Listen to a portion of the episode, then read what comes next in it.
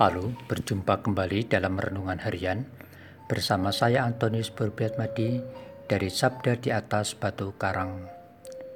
Saudara-saudari yang terkasih, hari ini Sabtu 16 Juli adalah hari biasa pekan ke-16. Hari ini gereja memperingati Santa Perawan Maria dari Gunung Karmel dan Santa Reinildis, seorang martir.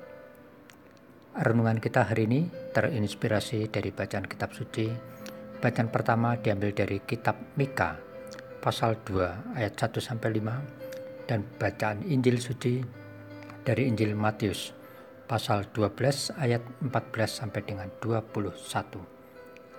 Mari kita siapkan hati kita untuk mendengarkan sabda Tuhan yang akan dibacakan oleh saudari Monica Rosa dari Paroki Kristus Raja, Katedral Keuskupan Tanjung Karang. Sekali peristiwa, orang-orang Farisi bersekongkol untuk membunuh Yesus. Tetapi Yesus tahu maksud mereka, lalu menyingkir dari sana. Banyak orang mengikuti Dia, dan Ia menyembuhkan mereka semua. Dengan keras, Ia melarang mereka memberitahukan siapa Dia, supaya genaplah sabda yang telah disampaikan oleh Nabi Yesaya. Lihatlah, itu hambaku yang kupilih, yang kukasihi, yang kepadanya jiwaku berkenan. Rohku akan kucurahkan atas dia, dan ia akan memaklumkan hukum kepada sekalian bangsa. Ia tidak akan berbantah dan tidak akan berteriak. Suaranya tidak terdengar di jalan-jalan. Buluh yang patah terkulai tidak akan diputuskannya, dan sumbu yang pudar nyalanya tidak akan dipadamkannya, sampai ia menjadikan hukum itu menang. Kepadanya lah semua bangsa akan berharap. Demikianlah sabda Tuhan. Terpujilah Kristus.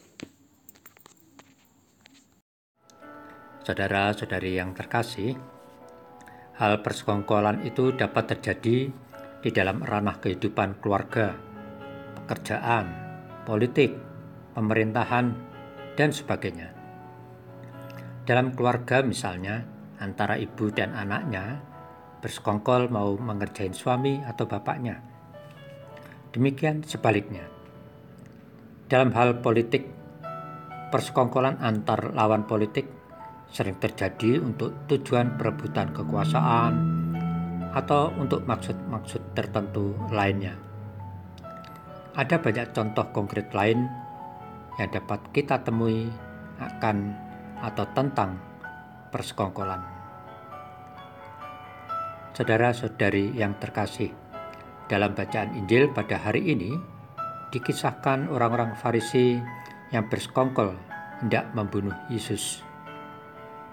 Mereka merasa bahwa kehadiran, pengajaran, dan perbuatan Yesus yang telah membuat banyak orang menjadi percaya dan mengikutinya.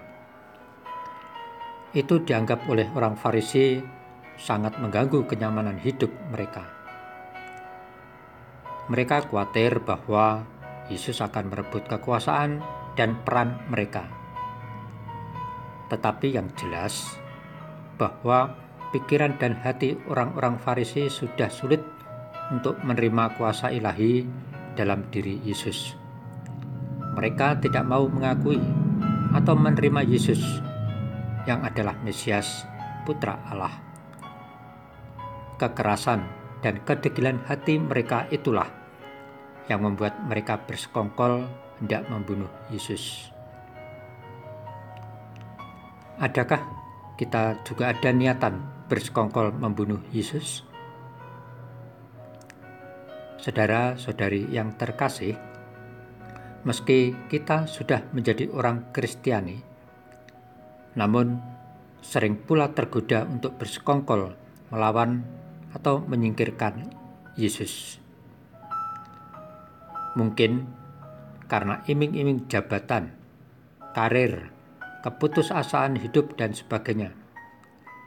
Maka dengan gampangnya kita bersekongkol untuk menyingkirkan Yesus dari iman kita. Semoga dengan terang Roh Kudus kita diteguhkan dan dikuatkan untuk setia beriman kepada Yesus. Ya Yesus, tambahkanlah dan kuatkanlah imanku akan dikau.